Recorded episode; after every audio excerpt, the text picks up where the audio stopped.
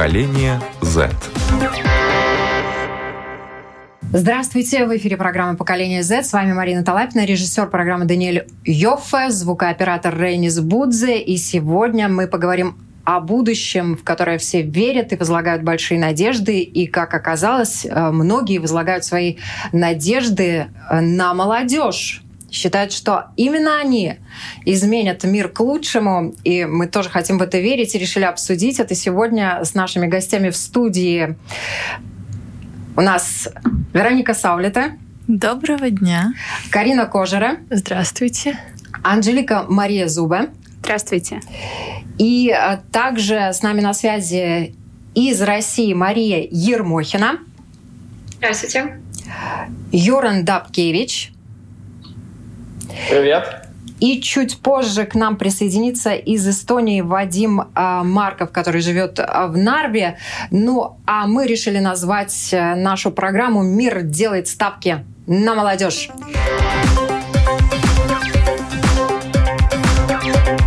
Поколение Z. Те темы, которые вас задевают, то, с чем вы работаете, то, чем вы занимаетесь. А, мы занимаемся, э, популяризируем идеи изменения климата. Также мы хотим создавать возможности для молодежи, чтобы они э, развивались, чтобы они путешествовали, чтобы они брали инициативу и реализовывали свои идеи. Правильно, мы, девочки? Да, мы хотим на своем примере, примере молодежи, показать то, что у молодежи есть возможности, которыми можно пользоваться, и что это доступно для всех. И это совсем не страшно действовать, и тебя все поддержат, только говори, что ты хочешь, и вокруг на самом деле очень много людей, которые хотят тебе дать поддержку, но так как ты не спрашиваешь, никто тебе не дает. А если начинать свою идею развивать, начинать говорить, гореть тем, что ты делаешь, то рано или поздно ты найдешь поддержку, которая, которая тебе поможет в будущем. Да. А, хорошо, поддержку вашим идеям, и главная ваша идея э, компании 3D Friends — это популяризация и информирование общества о чем? О возможностях в Европе, о путешествиях, о том, что ты сам можешь написать свою идею, получить на нее финансирование. Или а, мы рассказываем о том, что э, вот есть такие места, допустим, в Рижской думе, где ты можешь взять какие-то ресурсы или, и реализовать свою идею, что ты можешь сам что-то придумать и помочь своему обществу в своем городе, в своем районе, в своем доме. И угу. мы своим примером показываем, что нет границ, нет стереотипов, есть э, идея спасти, не знаю, помочь э, будущее, спасти будущее, ну помочь будущему. Хорошо, Мария, чем вы занимаетесь? Я веду свою страничку в Инстаграме по поводу экологической обстановки в мире, помогаю людям перейти на экологичный стиль жизни, отвечаю на разные вопросы по поводу экологии, что вообще в мире, в мире творится. И как-то вот люди присоединяются, задают свои вопросы, и я как-то стараюсь им помочь в этом деле развиваться. Йоран. Да. Ты я очень активный молодой Даугавпилс. человек, да, из Даугавпилса, который занимается очень разнообразной молодежной работой. Вот э, твои идеи, то, чем ты занимаешься и ради чего ты этим занимаешься, расскажи.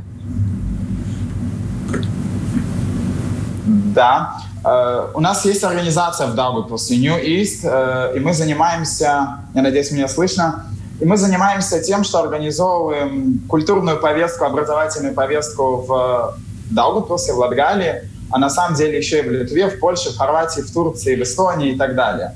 Э, самый один...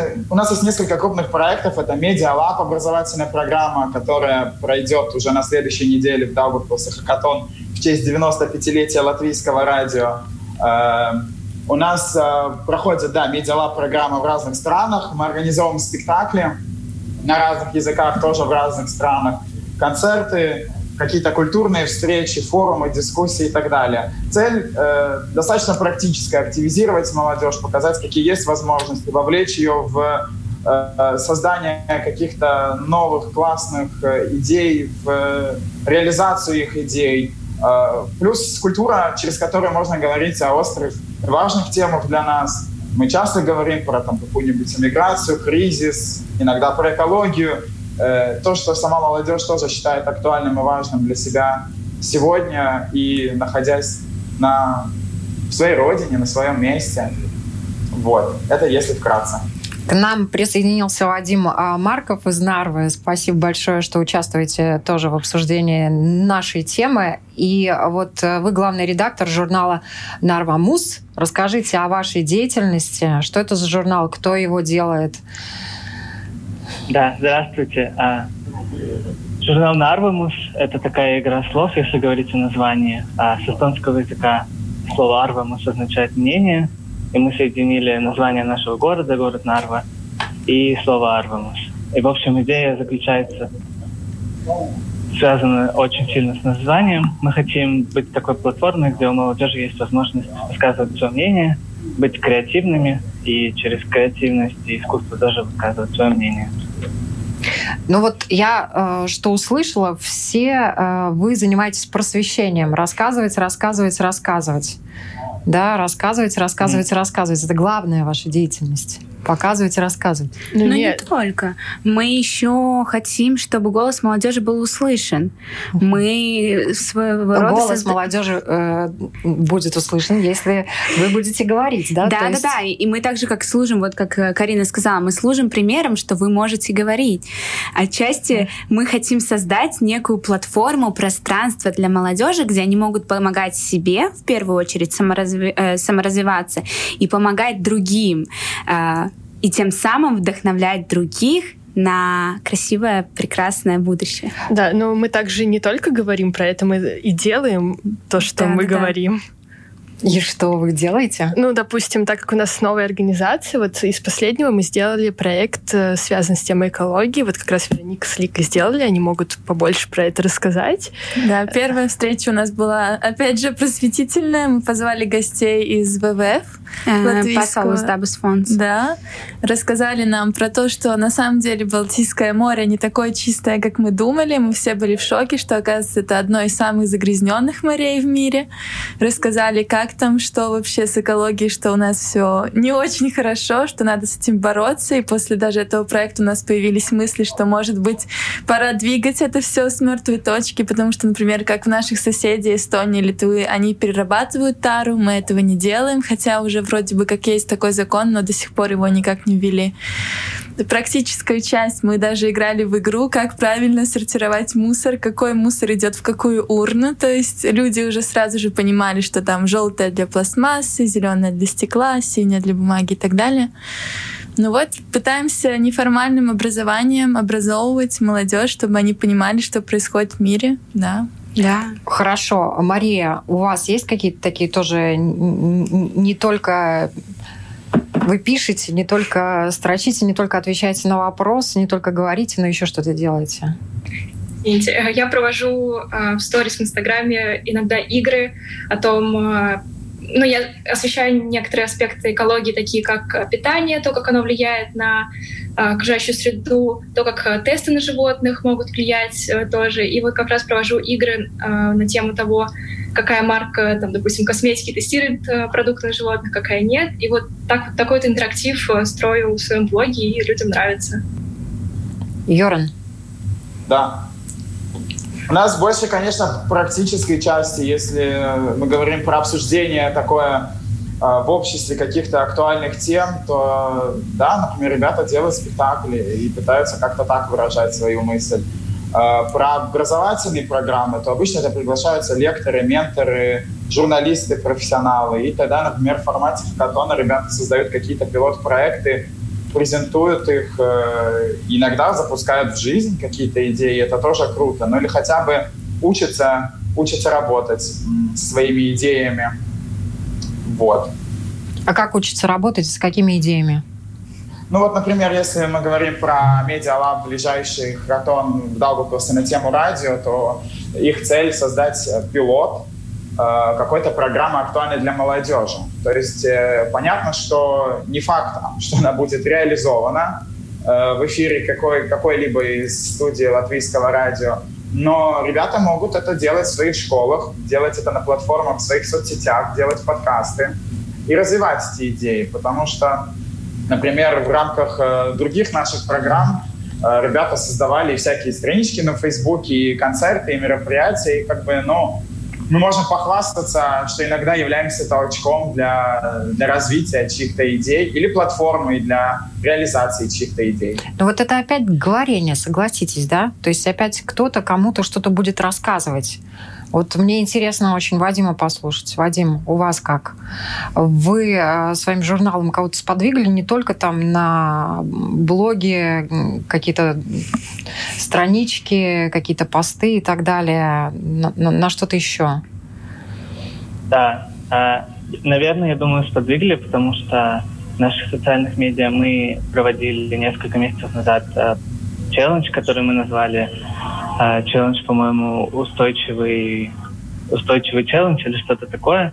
И в течение недели мы давали разные задания ребятам, чтобы они попробовали себя как ответственные покупатели, ответственные потребители, э, обратили внимание, например, насколько они потребляют пластика, от чего они могут отказаться, попробовали себя в роли вегетарианцев, э, веганов тоже – Э, задумались, откуда происходит их одежда. И каждый день мы давали такие разные задания и общались с нашим комьюнити, с людьми, которые читают нас в социальных сетях, следят, в социальных сетях, следят за нами. И да, результаты были такие, что люди были очень довольны. Для них это было такое глазооткрывающее неделя. Они не ожидали совершенно того, что они, например, им понравится быть вегетарианцами или что они насколько, например, загрязняющее производство одной футболки в да, одной футболки в мире. И об этом всем мы пытались говорить, но также и пробовать на жизни применить все эти маленькие методы. Хорошо, мне интересно услышать от вас темы вот э, в глобальном масштабе, да, которые вот действительно важны и о которых надо сегодня разговаривать э, для будущего. Кроме темы экологии, потому что она уже прозвучала раз 10, да? Э, о чем важно еще говорить? Вот что мне первое пришло на ум, мне кажется, это тема образования, потому что я считаю, то, Хорошо, что... образование, согласна. Это, ну, это тоже функция, и вы тоже этим занимаетесь. Какая еще тема? Вот, вот кто... если конкретнее развитие навыков 21 века, человека 21 века, как э, быть универсальным, как... Ну, это тоже к образованию, наверное, да? Это образование, там, э, познавать, улучшать, ну, нарабатывать э, навыки. Интеграция еще можно сказать, например, с теми, кто, ну вот солидарность выражать свою, с интеграцией с людьми, которые не все могут себе позволить, например, там глухонемые или слепые. Угу. Тоже важно с ними интегрировать и все еще помнить, что они тоже люди, и не стоит про них забывать. Хорошо, ребят, какие у вас еще идеи? О чем важно говорить? Мне кажется, важно э, упоминать про равноправие, что неважно, какого, э, кого ты любишь, неважно, какого цвета у тебя кожа, что все мы люди, и не все мы должны быть как-то предрасположены друг к другу, должны как-то уважительно относиться. Йоран. Да, тема бедности, в принципе, грамотности, дигитальной медиаграмотности, вообще понимания современных навыков. И часто появляется еще тема миграции, реэмиграции, как достаточно острая и такая прессинговая со стороны разных социальных групп, с разных э, возрастных групп и так далее. Вот. Вадим, ваши идеи по поводу того, о чем да, еще да. важно говорить, кроме образования, экологии, бедности? А, ну, мне кажется, что все темы важны, но в общем их объединяет такой термин, как sustainability или устойчивое развитие. И, например, о у организации ООН есть целый список целей устойчивого развития, которые они пытаются выполнить к 2030 году. И я думаю, что и также побуждают всех людей тоже пытаться каким-то образом э, поучаствовать в выполнении этих целей. И они тоже связаны и с экологией, и с развитием городов, уменьшением бедности. Мне кажется, это то, о чем стоит говорить. Можно я добавлю? Мне да. кажется, еще стоит говорить о не знаю, как это правильно сказать, про личность, то есть про ментальное здоровье, про, про принятие себя, вот то, что касается лично каждого. Я думаю, что про это тоже стоит. Ну, в принципе, это все действительно и есть, и об этом говорят. А что, вот если не говорить, а можно делать и нужно делать? И что молодежь может делать, кроме постов, блогов э, и всего остального?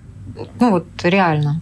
Что вы можете еще делать? мероприятия, а, как мы делаем. Организовывать проект, организовывать мероприятия, где ты обучаешь, где ты рассказываешь больше, где ты Не рассказываешь, именно делаешь. Дел, да, да, ты делаешь, делаешь. на Например, расскажи Это про же- идею с театра с глухонемыми. Это вот Например, Для да, меня мы при- хотим сделать э, такой проект запустить от солидарности к глухонемым. Мы хотим устроить свой театр глухонемых. Первый в Латвии будет. В Латвии такого еще не было, насколько мы знаем, только любительский, выйти на новый уровень и на практике начать это все делать. Театр — это практика, это обучение, обучение, что, что они могут предоставить, как это вообще может выглядеть. Например, в голове это, в принципе, все понятно, но как это на самом деле будет, это же тоже большая практика. Что еще, как пример? Вот мы устроили, были виртуальный даже молодежный обмен для э, подростков. да. Это тоже практика. Каждый день они что-то делали. То какой-то блог записали, то рассказали, не рассказали, написали статьи, то еще что-то. Ну, каждый, каждый день задание, каждый день что-то надо делать. Хорошо. Что делать а, с ребятами молодыми, с девчонками молодыми, которые идут зарабатывать деньги на улицу, я имею в виду проституцию, да, и а, ребятами молодыми, которые употребляют наркотики?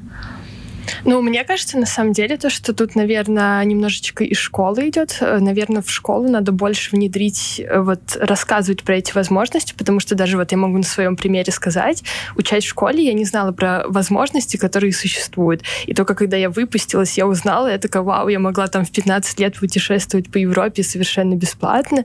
Либо, то есть, мне кажется, нам школа очень мало говорит о возможностях. То есть тебе надо куда-то выходить за рамки школы, чтобы об этом узнавать. Хотя как бы ты проводишь большинство своего времени в школе. ребятам про то, что наркотики там доставляют какое-то мнимое удовольствие, тоже в школе, наверное, не рассказывают, да, тем не менее, они, к сожалению, в достаточно больших количествах ребята почему-то там не идут узнавать что-то там из интернета, не приходят к вам, э, не помогают вам на том же пляже собирать мусор, да, а вот почему-то идут там, девчонки хотят денег легких а, и думают, что вот это легко выйти на улицу там пойти, даже если не продать себя, но там на халяву где-то что-то выпить и так далее. Вот э, это же тоже будущее, это та же самая Да. молодежь, которая, может быть, не очень хочет слушать лекции Мгм. о вреде курения. Ну, тут, наверное, про подачу надо говорить, как это должно А подаваться. что вы реально можете для них Ну сделать? вот мы как раз-таки думали на тему наркотиков. У нас была идея, то, что мы хотели бы написать проект на тему наркотиков, где мы бы изучали, как это все влияет и какие потом у вас есть последствия. То есть мы бы вместе с этими ребятами это бы изучали, и они бы видели, как это влияет. То есть очень много разных документальных фильмов и так далее. Но мало кто их просто так начнет смотреть. А если вот их погрузить в это, где они сами начнут это исследовать, и, наверное, это, может быть, как-то повлияет. И мне еще кажется, что это очень зависит от общества. Нас общество само очень разделяет, что оно как бы показывает людей, которые вот достигают очень многого, и, и не говорит совсем о людей, которые вот именно попали в такую ситуацию. Ребят, сейчас огромное количество информации и разного рода, и есть ребята, которые рассказывают о наркотиках и снимают фильмы. Просто вопрос, кто что хочет смотреть, кто видит.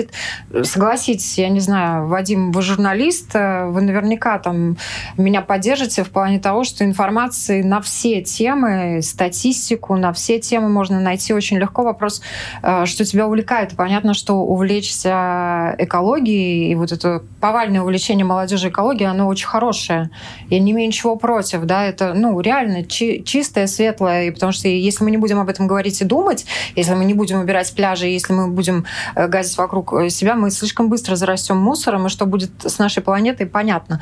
Но вот э, про души людей, да, что люди себя почему-то там не хотят реализовывать, э, как-то идти и убирать тот же мусор, да, а, почему-то там, я не знаю, вгоняют э, себя по каким-то причинам в депре или там э, родители этому способствуют и так далее. Вот они идут там не в спортивный зал качаться, да, а идут и какой-то легкий кайф э, искать. Их же тоже немало. да.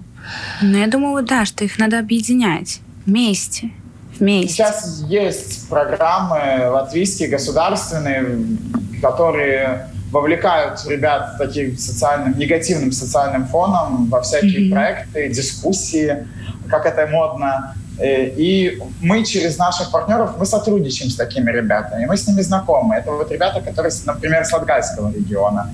И уже вот полгода разрабатываем программу вместе с психологами такого форум-театра, где они там, условно неделю работают психологами, прорабатывают те проблемы, которые, с которыми столкнулись они.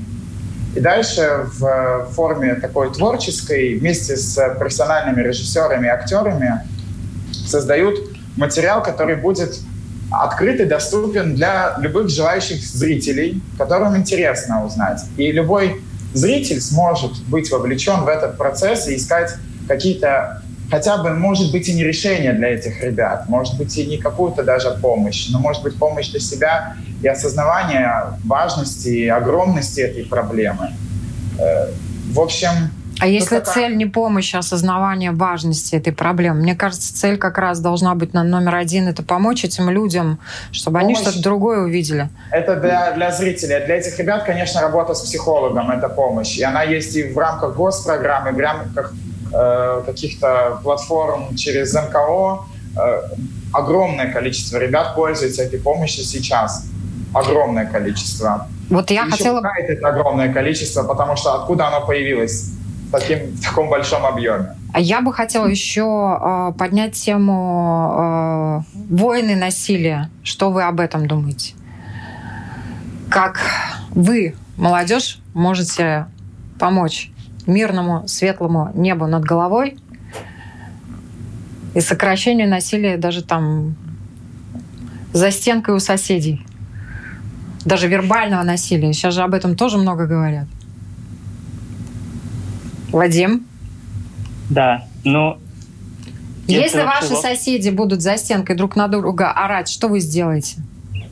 Ну, тут как раз-таки, мне кажется, опять важна миссия, которую мы делаем, распространять информацию, потому что если я знаю номер помощи семейного насилия, то я могу позвонить ему, если я его знаю. А, а если я его не знаю, никогда не читал об этом и не слышал, то, возможно, у меня уже будет сложнее, и я никогда не, знаю, не буду знать, какой так сказать, сценарий у меня должен быть, чтобы это сделать. Это то же самое, мне кажется, что э, со школами, например, нас часто водят в полицию на экскурсии, нам рассказывают, учат в школах, в учебниках даже есть целая схема, как позвонить в полицию, если что-то случится.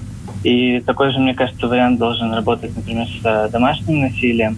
Ну и, в общем, если говорить насилие, оно случается и вербально, и невербально, это в какой-то степени буллинг, да, и э, тоже, мне кажется, об этом стоит, во-первых, говорить, потому что э, в буллинге есть вот это вот обидчик, есть э, жертва, но также есть э, наблюдающий вокруг, и что должен делать наблюдающий. И являюсь, и, по сути, ведь мы, те, кто наблюдает, тоже являются частью происходящего буллинга. И какая у нас должна быть реакция? И мы не должны работать только с двумя сторонами, мы должны работать со всеми, со всей группой, так сказать. Обращать внимание, это, мне кажется, главный момент, и замечать это, и пытаться, насколько бы это было сложно и страшно, обращать внимание на это и замечать говорить вслух. Вот не быть равнодушными, да, говорить вслух, да, но еще э, что-то необходимо делать для того, чтобы это искоренять как-то, чтобы это предотвращать. Маша, у вас идеи есть? Ну вот, кроме как рассказывать, я полностью согласна с Вадимом, рассказывать, говорить окружающим, что вот есть такая-то проблема, как вот в Беларуси сейчас протесты, я вот недавно запостила к себе в историю, что вот такой, такой ужас там происходит. И мне девочка написала, ой, а я не знала. И то есть как бы я кому-то таким образом рассказала о ситуации, и, соответственно, рас рассказывать — это, в общем-то, самое такое, наверное, действенное, одно из самых действенных способов предотвратить что-то. Ну, безусловно. И мы живем э, во время, когда эта информация может распространяться молниеносно. Да. да, и если необходимо собрать для чего-то деньги, это можно сделать молниеносно. И если необходимо распространить информацию, это тоже могут подхватить э, пост-репост. И вот э, сегодняшняя молодежь, если так вот через лет 10 вы уже будете такими более опытными. Каким вы себе представляете мир через лет 10? Чем вы занимаетесь, может быть, если начать просто с вас? Кому вы уже помогли? Какие войны предотвратили? Ну, для меня самый идеальный план моей жизни через 10 лет — это когда мне не надо думать о финансах, чтобы реализовывать свои идеи когда у меня есть какая-то идея или проект, который я хочу воплотить, чтобы мне не надо было думать, где я могу взять на это деньги, а чтобы это просто вот было, чтобы я, я смогла это все реализовывать для людей, чтобы я могла говорить о проблемах, которые я считаю важными для всех, я хочу осветить это, я хочу помочь молодежи, которая потерялась, может быть, или заблудилась, и мне хочется устроить что-то вместе, идти вместе для какой-то единой цели большой и не думать о финансах. Вот это мой идеальный мир через 10 лет, чтобы не было никаких барьеров, чтобы ты мог делать, просто делать и все. И конец. идеальному миру Вероники я бы тоже присоединилась. Я бы создавала, я бы создала какую-то школу. Я, я, я вижу себя директором какой-то неформальной школы, где молодежь учится через практические какие-то навыки. И мы, как сказала Вероника, мы все ради одной цели объединяемся.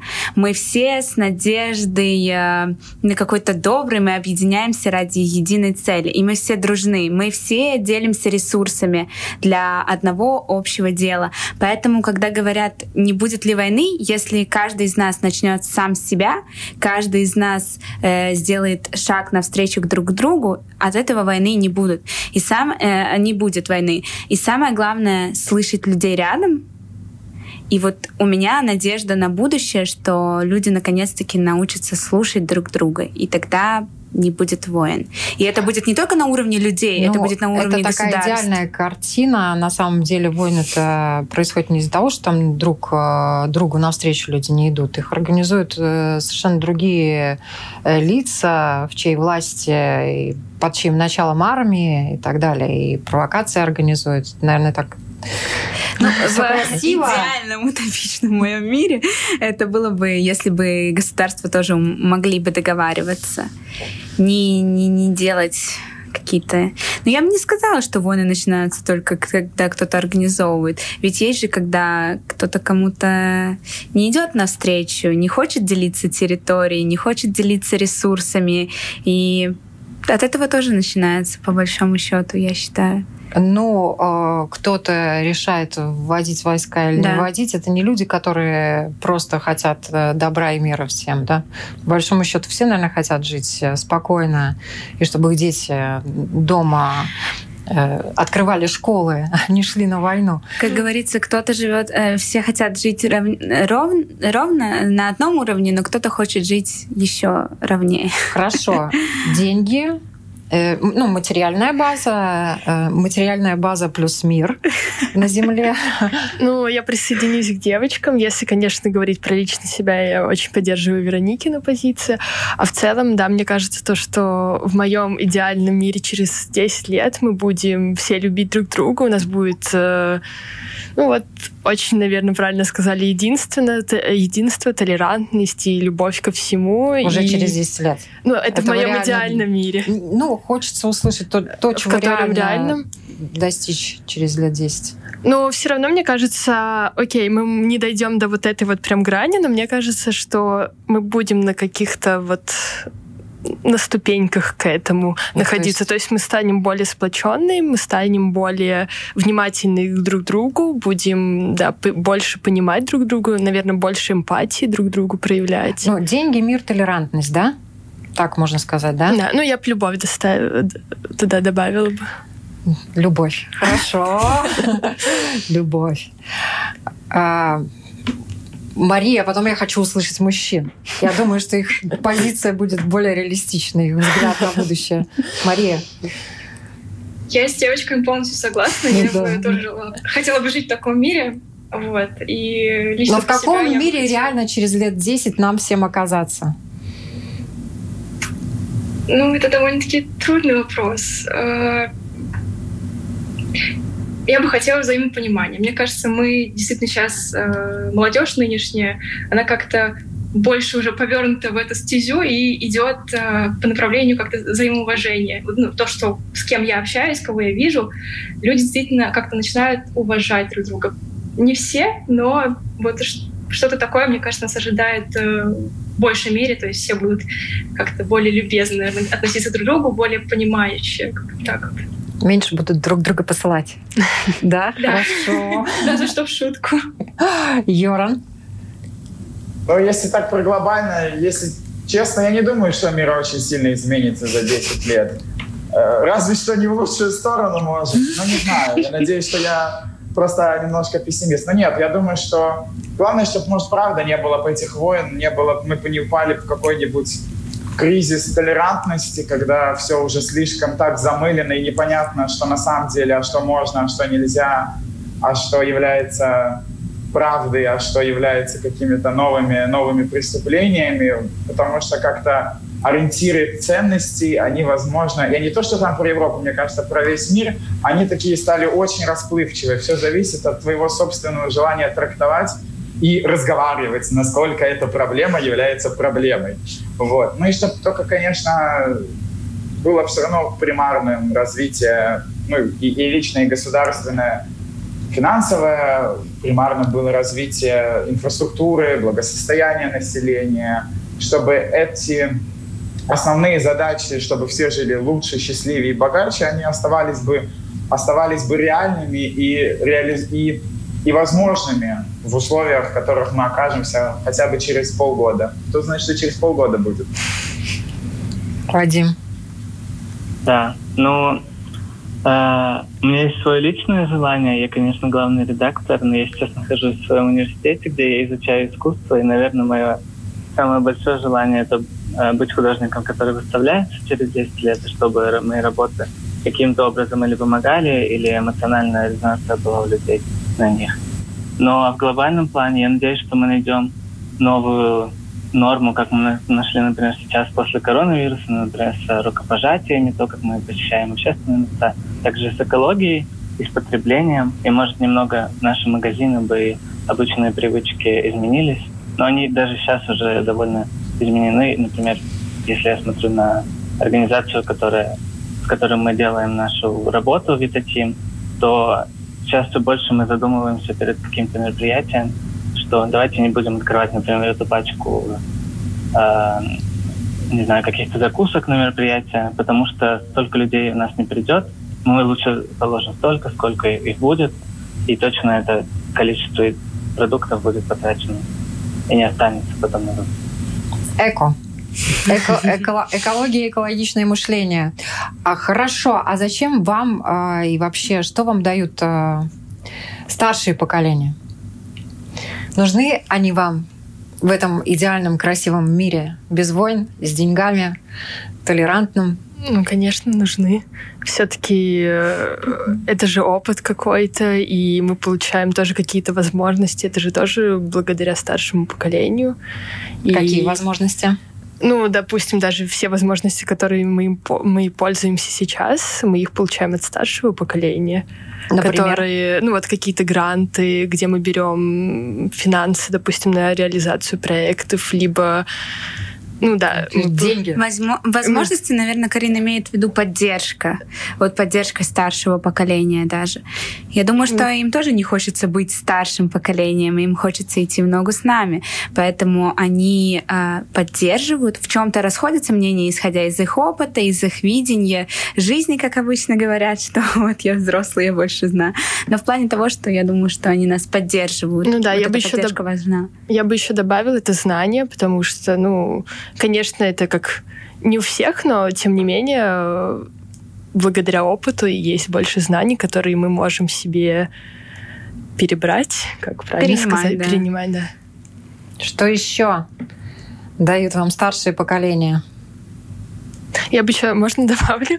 Я бы еще сказала, наверное, какое-то желание что-то делать и стремиться. То есть, если ты видишь взрослого человека, который что-то достиг, что-то поменял, либо что-то делает активно, и тебе хочется так же как-то стремиться, то есть, ну, ты как-то вдохновляешься им, и вот это вот... Или от того, что наоборот, они не хотят ничего менять, и им нравится стабильность и традиционные подходы, ты хочешь, мотивируешь себя, чтобы менять эту систему, улучшать, улучшать жизнь как была и стараться направить ее в нов... дать ей новый... А как новый... же лучший враг хорошего?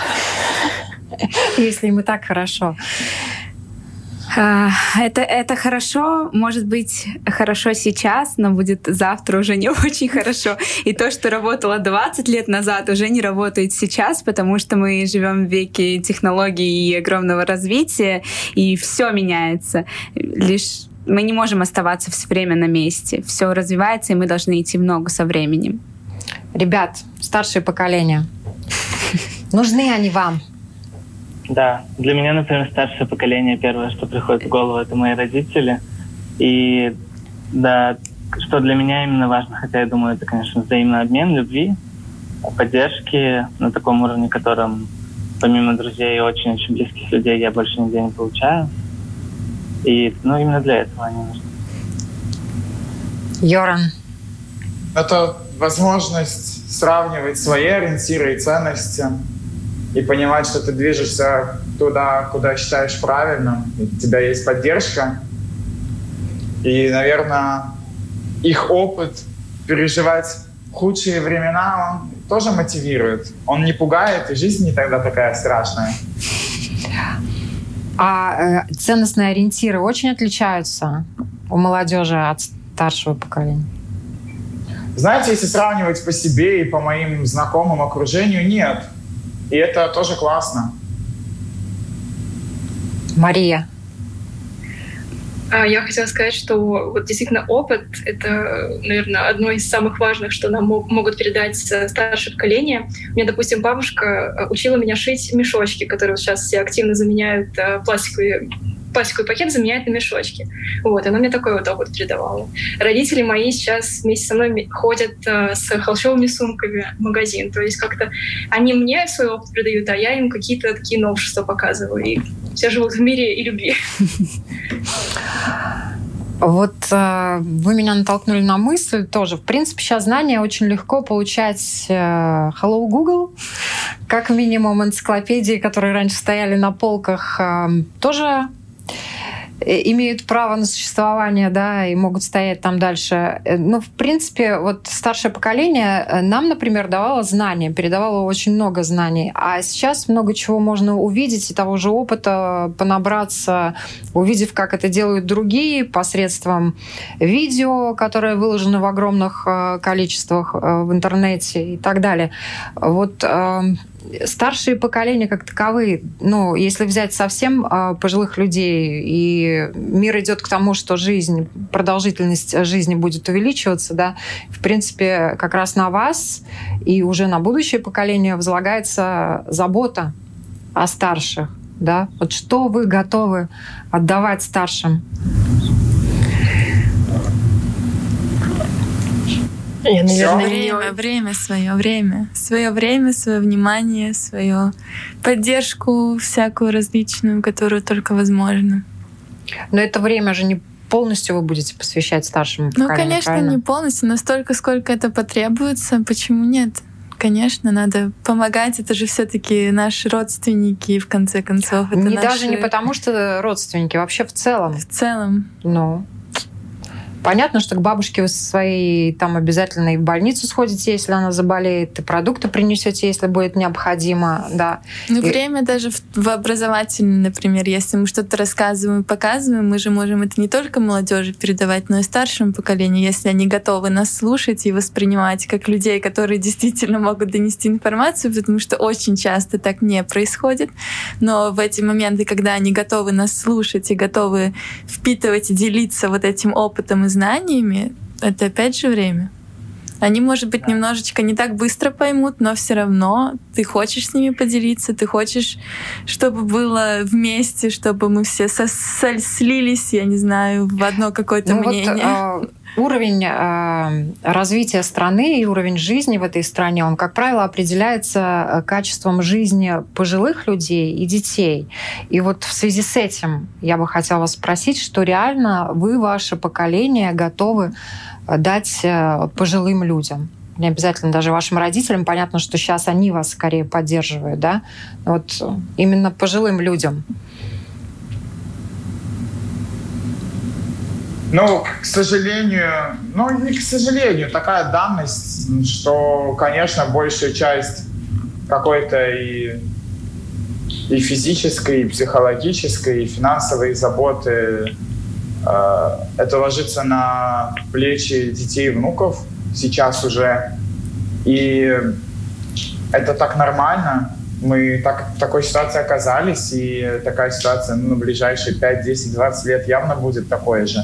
Да, такая демографическая ямка и ситуация, которая сложилась, она какая есть. Ну и поэтому, поэтому это тоже классный подход. Это с, часто соединяет, скрепляет семьи. Ну, конечно, часто бывает и по-другому. И, к сожалению, да, мы местами не Норвегия, чтобы, чтобы радоваться жизни, может быть, фин... из-за финансов, но, тем не менее, все равно помощь это, это еще чаще сближает морально, потому что поддержать друг друга, поделиться едой, поделиться заботой, поделиться любовью — это то, что, то, что сейчас обязывает и связывает нас имеющейся ситуацией. Ну вот если, я не знаю, в ваших странах и в наших странах э, так сложится ситуация, что пенсионеры выйдут на улицу, чтобы им повысили пенсию, пойдете? Да. А почему бы и нет?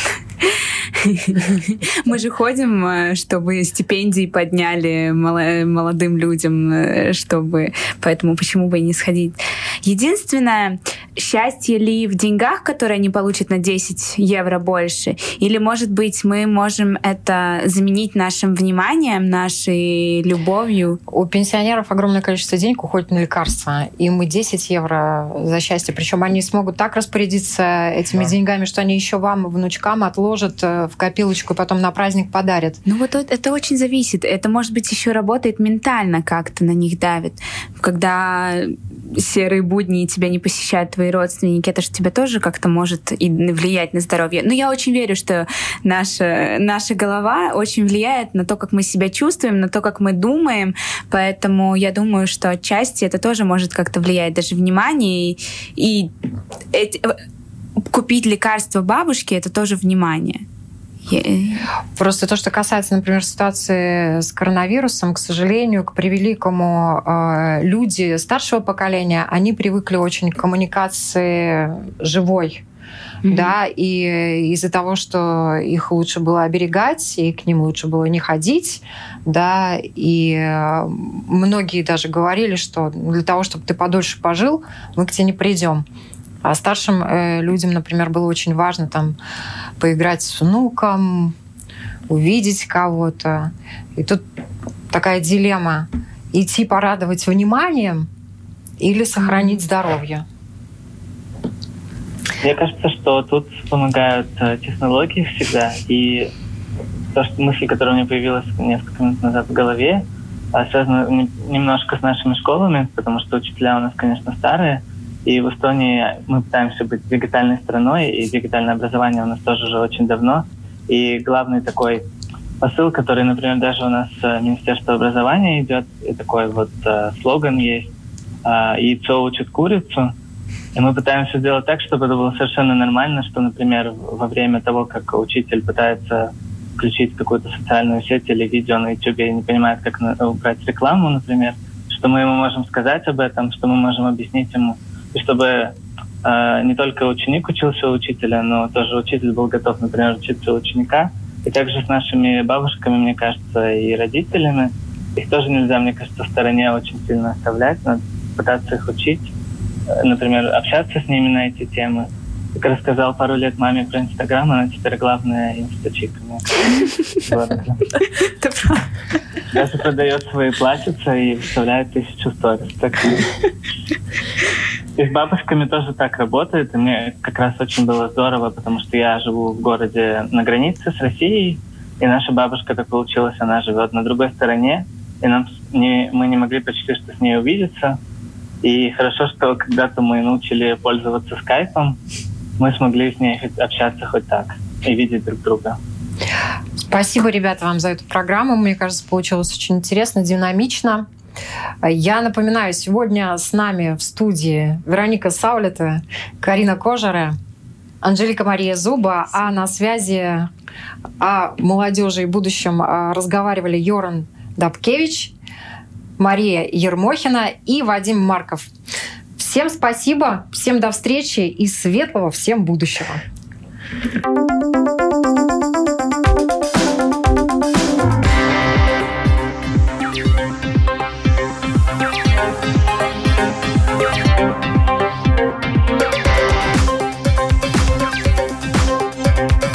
Поколение Z.